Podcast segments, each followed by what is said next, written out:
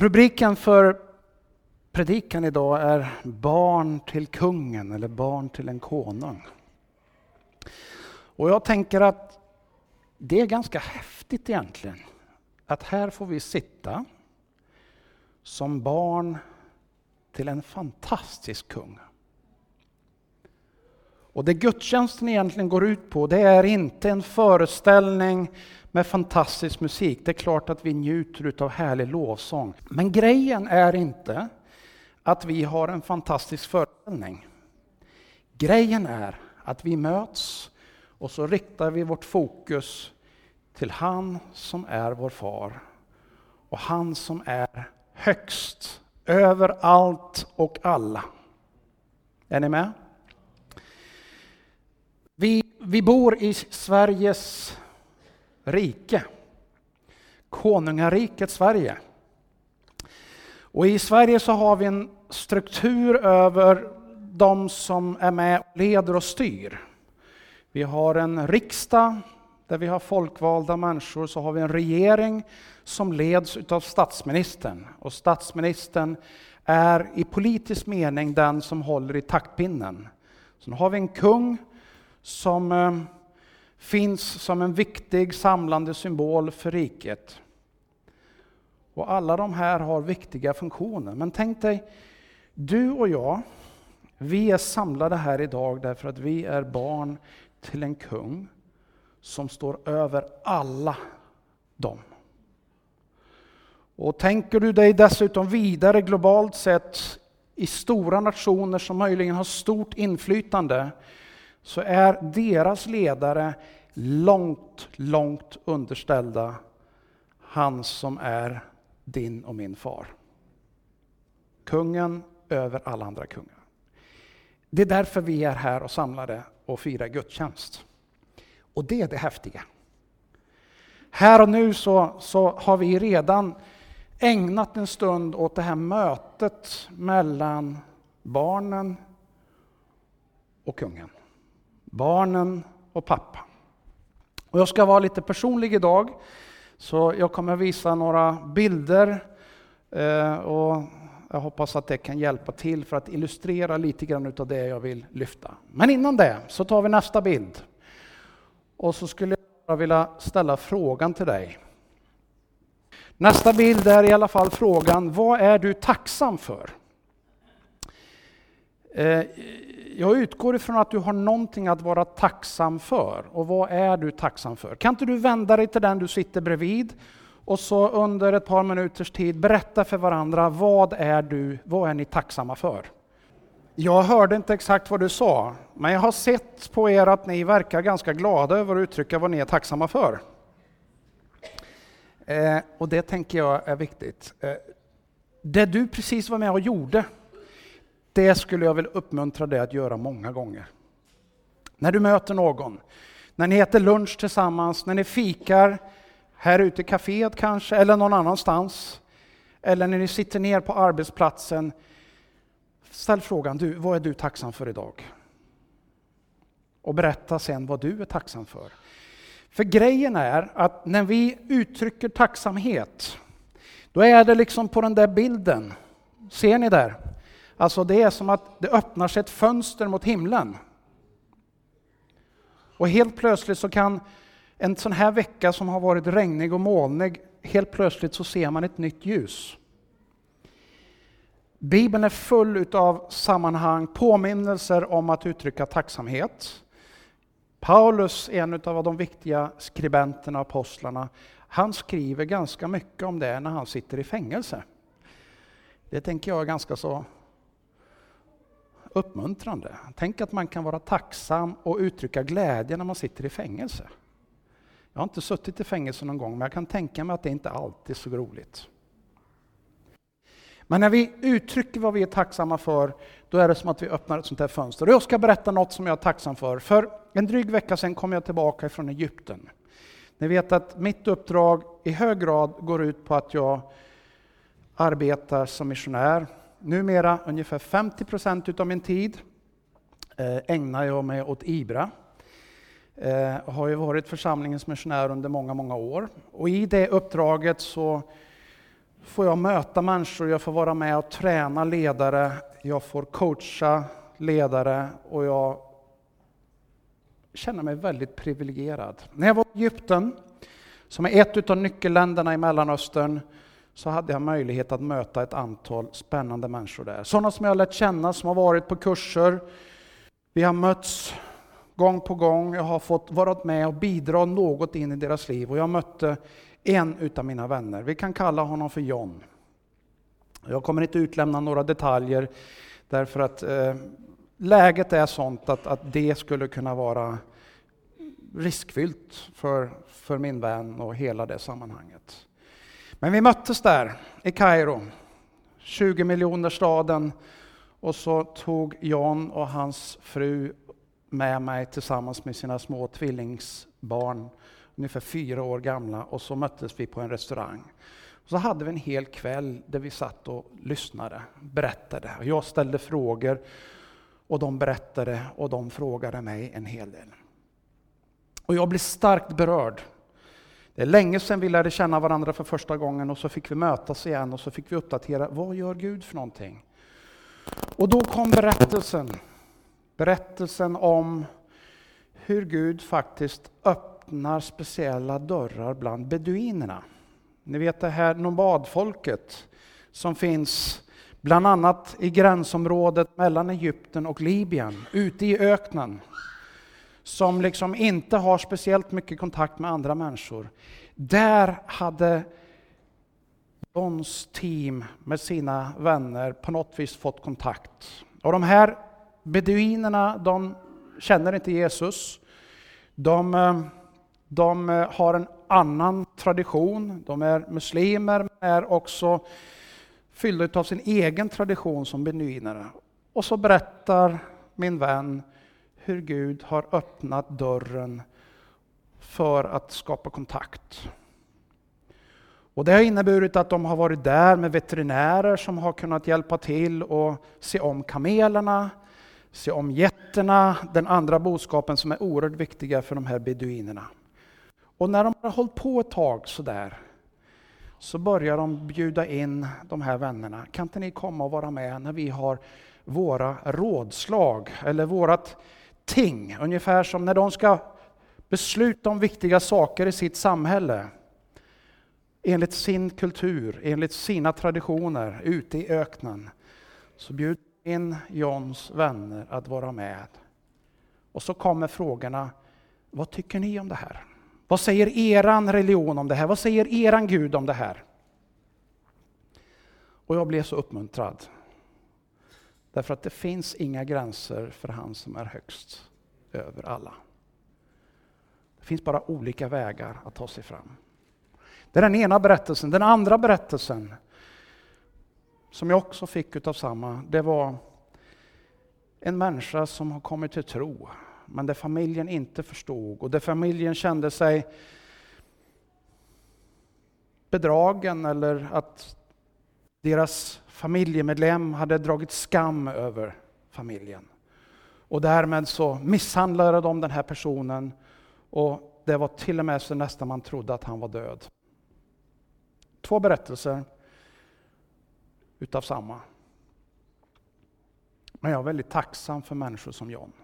Jag är tacksam över att de har bestämt sig. Jag är kungens barn. Det spelar ingen roll vad andra människor säger, om de håller med om det jag säger eller inte. Jag kommer fortsätta att vara trogen det. Jag kommer försöka finna vägar. Jag kommer göra allt. Det är häftigt. Det är häftigt. Det är jag tacksam för. Tänk att vi får vara med som Guds folk här i Karlstad och stötta sådana människor som jag. Det här är min familj.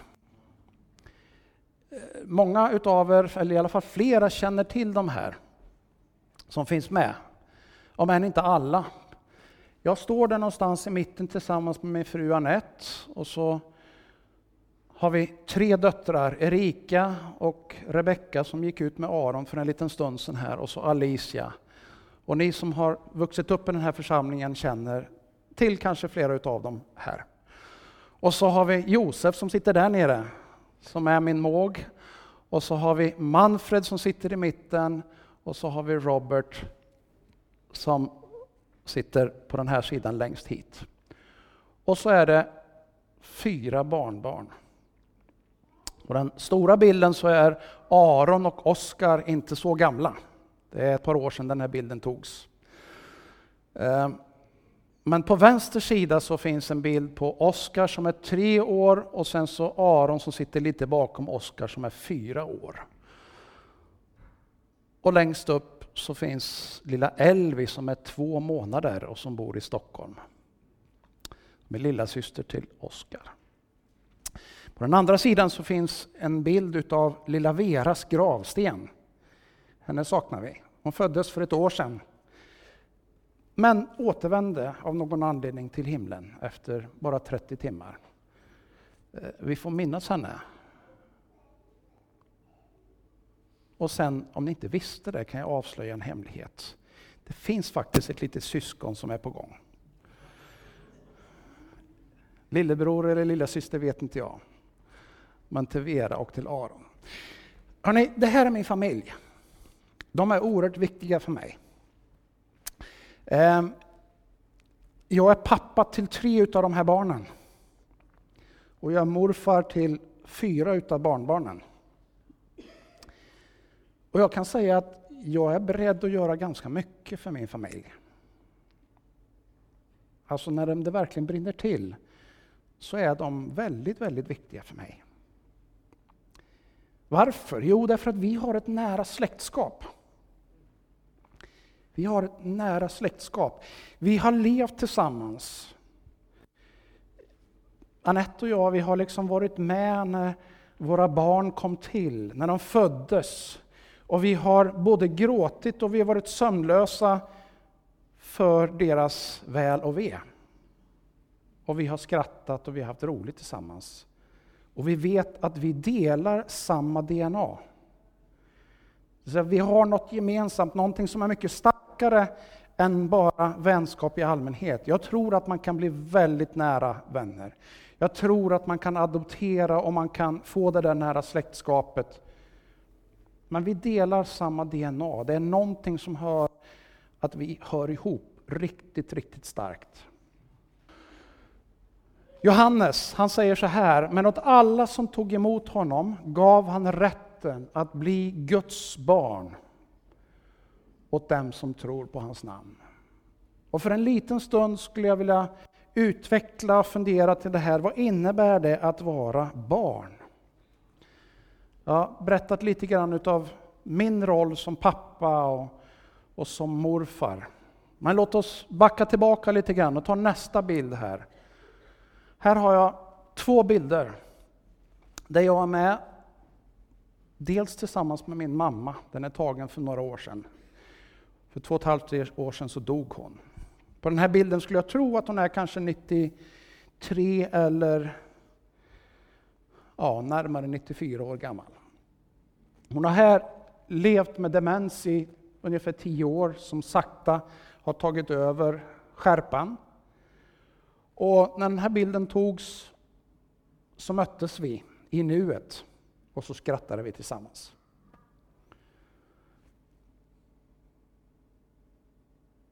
Jag lärde mig en sak av henne i hennes demens. Att vara här och nu. Det var liksom meningslöst att försöka lägga för mycket tid på det som har varit och det var meningslöst att försöka att tänka någonting om framtiden för det liksom existerar inte i hennes värld utav demensens dimma. Men här och nu kunde vi mötas. Och här och nu kunde vi dricka kaffe och här och nu kunde vi skoja och här och nu kunde vi skratta. Och vid ett tillfälle när vi eh, möttes så hade jag faktiskt en ukulele med mig. Sam har sagt att jag ska ta med min ukulele hit någon gång. Jag vet inte om det blir så, men jag har en ukulele, två faktiskt, eh, som jag tycker är ganska kul att spela på. Jag tog med den och så spelade jag lite sånger tillsammans med min gamla mamma. Som, eh, det hände någonting med henne. Helt plötsligt så liksom, när vi spelade sånger som hon kände igen, då säger hon så här att när jag kommer till himlen, då ska jag sjunga med min pappa igen.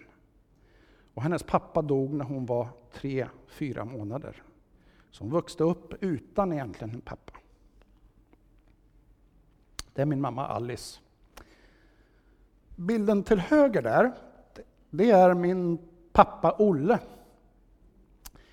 Han dog för två år sedan lite drygt och begravdes för två år och en vecka sedan. Förra söndagen satt Anette och jag i bilen. Vi hade varit i Skopafors, där han ligger begravd, eller de båda. Vi hade varit vid graven och så satt jag och funderade på vad är det för någonting som jag saknar utav min pappa? Två år sedan jag inte har honom nära. Och då var det tre saker som liksom dök upp så där riktigt starkt. För det första så saknade jag den där kontakten, den här närheten, gemenskapen utav att vi hör ihop. Du vet, bara när man är tillsammans. Kanske tar en kaffe. Bara vetskapen, vi hör ihop. Under hela mitt liv har han betytt väldigt mycket för mig. Jag kommer ihåg när jag var liten och, och liksom hade den här insikten av att nej men pappa, han har ju koll. Det inte pappa har koll på, det är liksom inte värt att ha koll på. Alltså, han har alltid en lösning på allting. Jag vet inte om du har tänkt så någon gång, men så tänkte jag när jag var liten. Sen vet jag ju att livet går vidare och man kanske kommer i tonåren där man tycker att ah, föräldrarna vet inte så mycket. Men det svänger sen. Oftast. Jag saknade den där liksom nära gemenskapen, den här släktskapet. Vi hör ihop.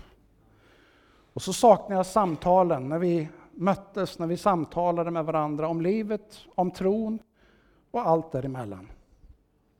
Och så för det tredje så saknar jag hans omsorg och hans förböner.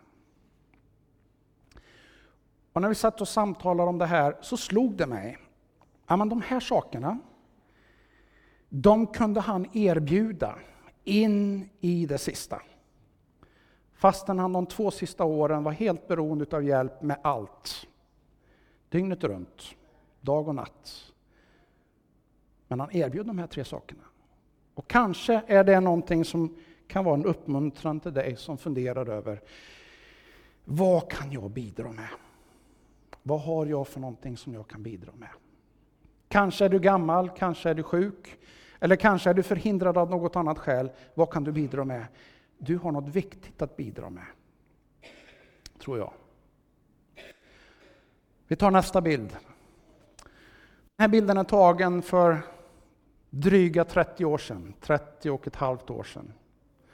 Det här är vårt äldsta barn Erika som ligger på mitt bröst. Den här far och barnrelationen kan se ut så här. Och när hon föddes så fanns det liksom Ja, man var helt beroende på allt sätt. Om inte vi hade liksom ställt upp och sett till att hon fick all omsorg så hade hon aldrig överlevt. Helt beroende. Nu så är hon vuxen och reser sig väldigt bra själv tillsammans med sin familj.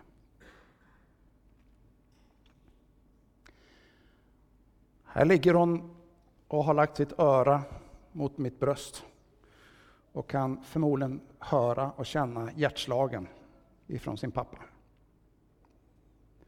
Och tror ni jag tyckte det var trevligt? Väldigt. Väldigt. Ta nästa bild. Några bibeltexter som på något vis är till grund för det jag försöker att säga idag här. Först första Mosebok. Gud sa, låt oss göra människor till vår avbild, lika oss. De ska råda över havets fiskar och himlens fåglar, över boskapsdjuren och hela jorden och alla kräldjur som rör sig på jorden. Och Gud skapade människan till sin avbild. Till Guds avbild skapar han henne. Till man och kvinna skapar han dem. Och Gud välsignade dem och sa till dem, var fruktsamma och föröka er och uppfyll jorden och lägg den under er. råd över havets fiskar och himlens fåglar och alla djur som rör sig på jorden. Och lite senare, Gud såg på allt som han hade gjort och se, det var mycket gott. Och det blev afton och det blev morgon den sjätte dagen. Du är skapad med ett tydligt syfte. Du är skapad av Gud själv för att också efterlikna Gud, att kunna reflektera Gud. Du är skapad för att inte vara Gud, men att vara ett barn utav Gud. Du är skapad med ett uppdrag. Och tror ni Gud vill ha gemenskap med dig? Absolut. Men åt alla som tog emot honom gav han rätten att bli Guds barn, åt dem som tror på hans namn. Och i Romarbrevet 8 av 14-17. Alla som drivs av Guds ande är Guds barn. Ni har inte fått slaveriets ande så att ni på nytt måste leva i fruktan. Nej, ni har fått barnaskapets ande och i honom ropar vi Abba, far. Anden själv vittnar med vår ande att vi är Guds barn. Och är vi barn så är vi också arvingar, Guds arvingar och Kristi medarvingar. Lika visst som vi lider med honom för att vi också förhärligas med honom.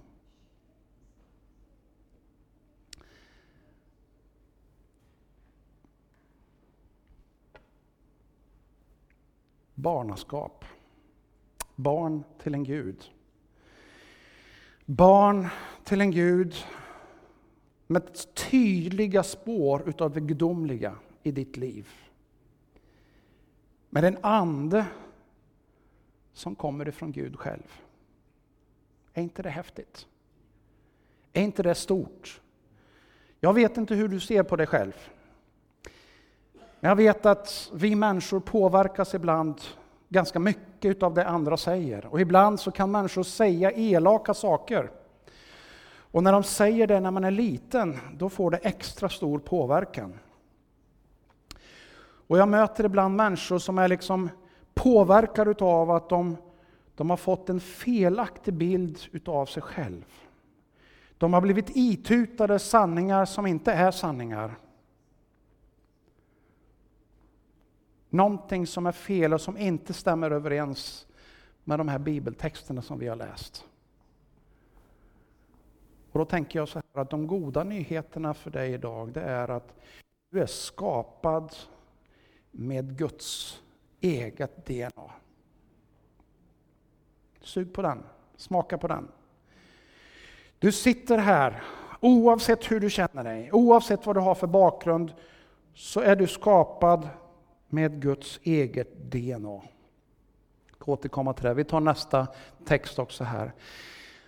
Men Jesus kallade, till sig, kallade dem till sig och sa, låt barnen komma till mig och hindra dem inte, för Guds rike tillhör sådana som det.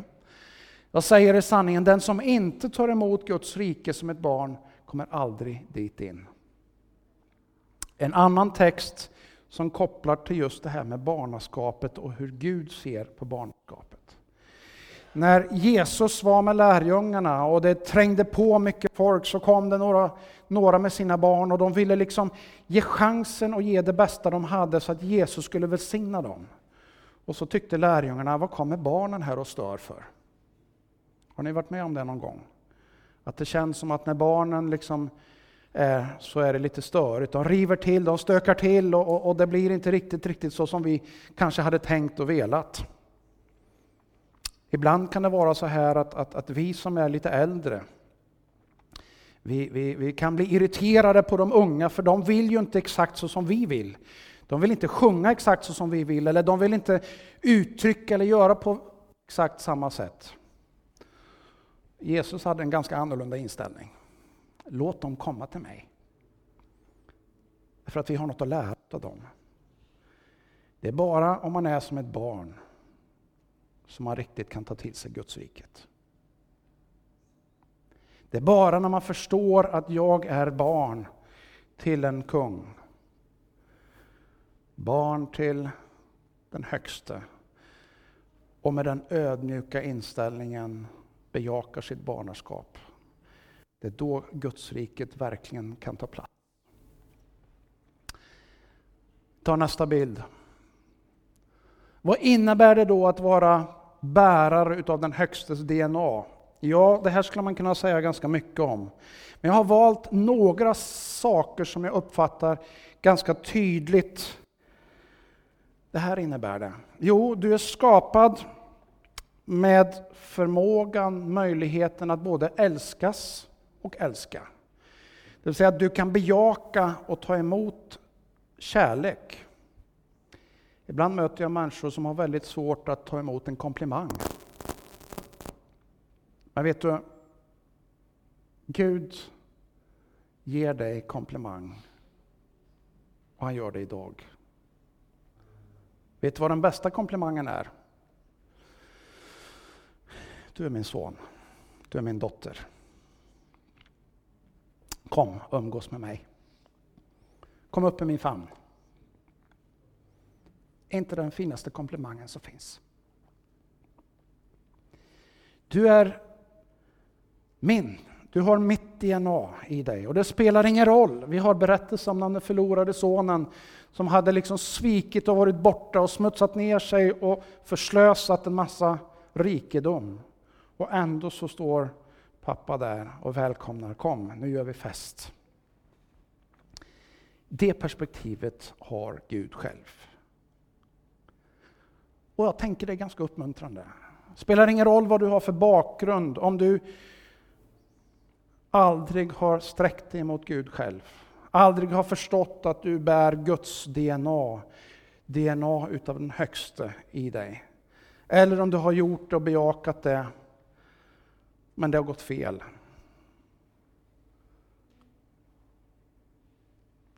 Han har öppnat famnen för dig. Idag igen. Och du kan närma dig honom.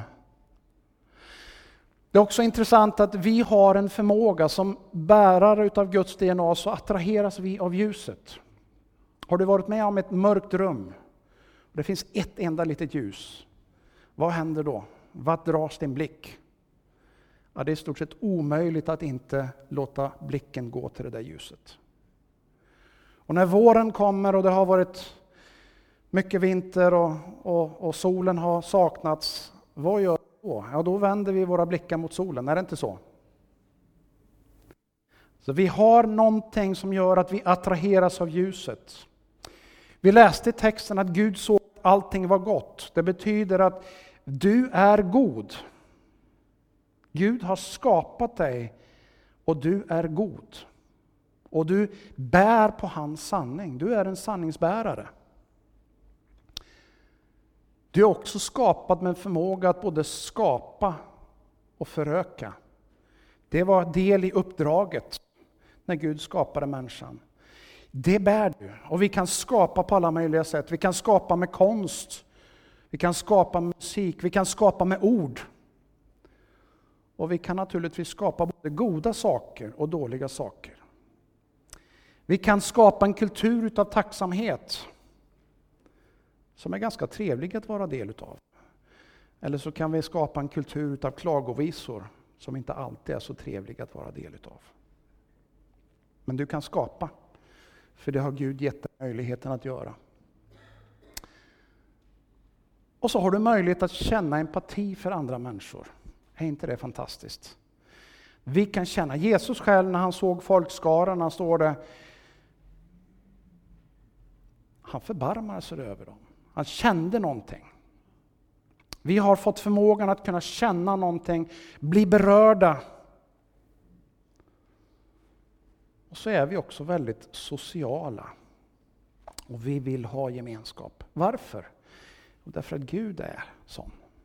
Gud är kärlek och Gud är gemenskap. Märks bland annat i att han är Fader, Son och den heliga Ande i ett. Både Fadern, Sonen och Anden var med när allting skapades. Och vi är skapade som gemenskapsvarelser.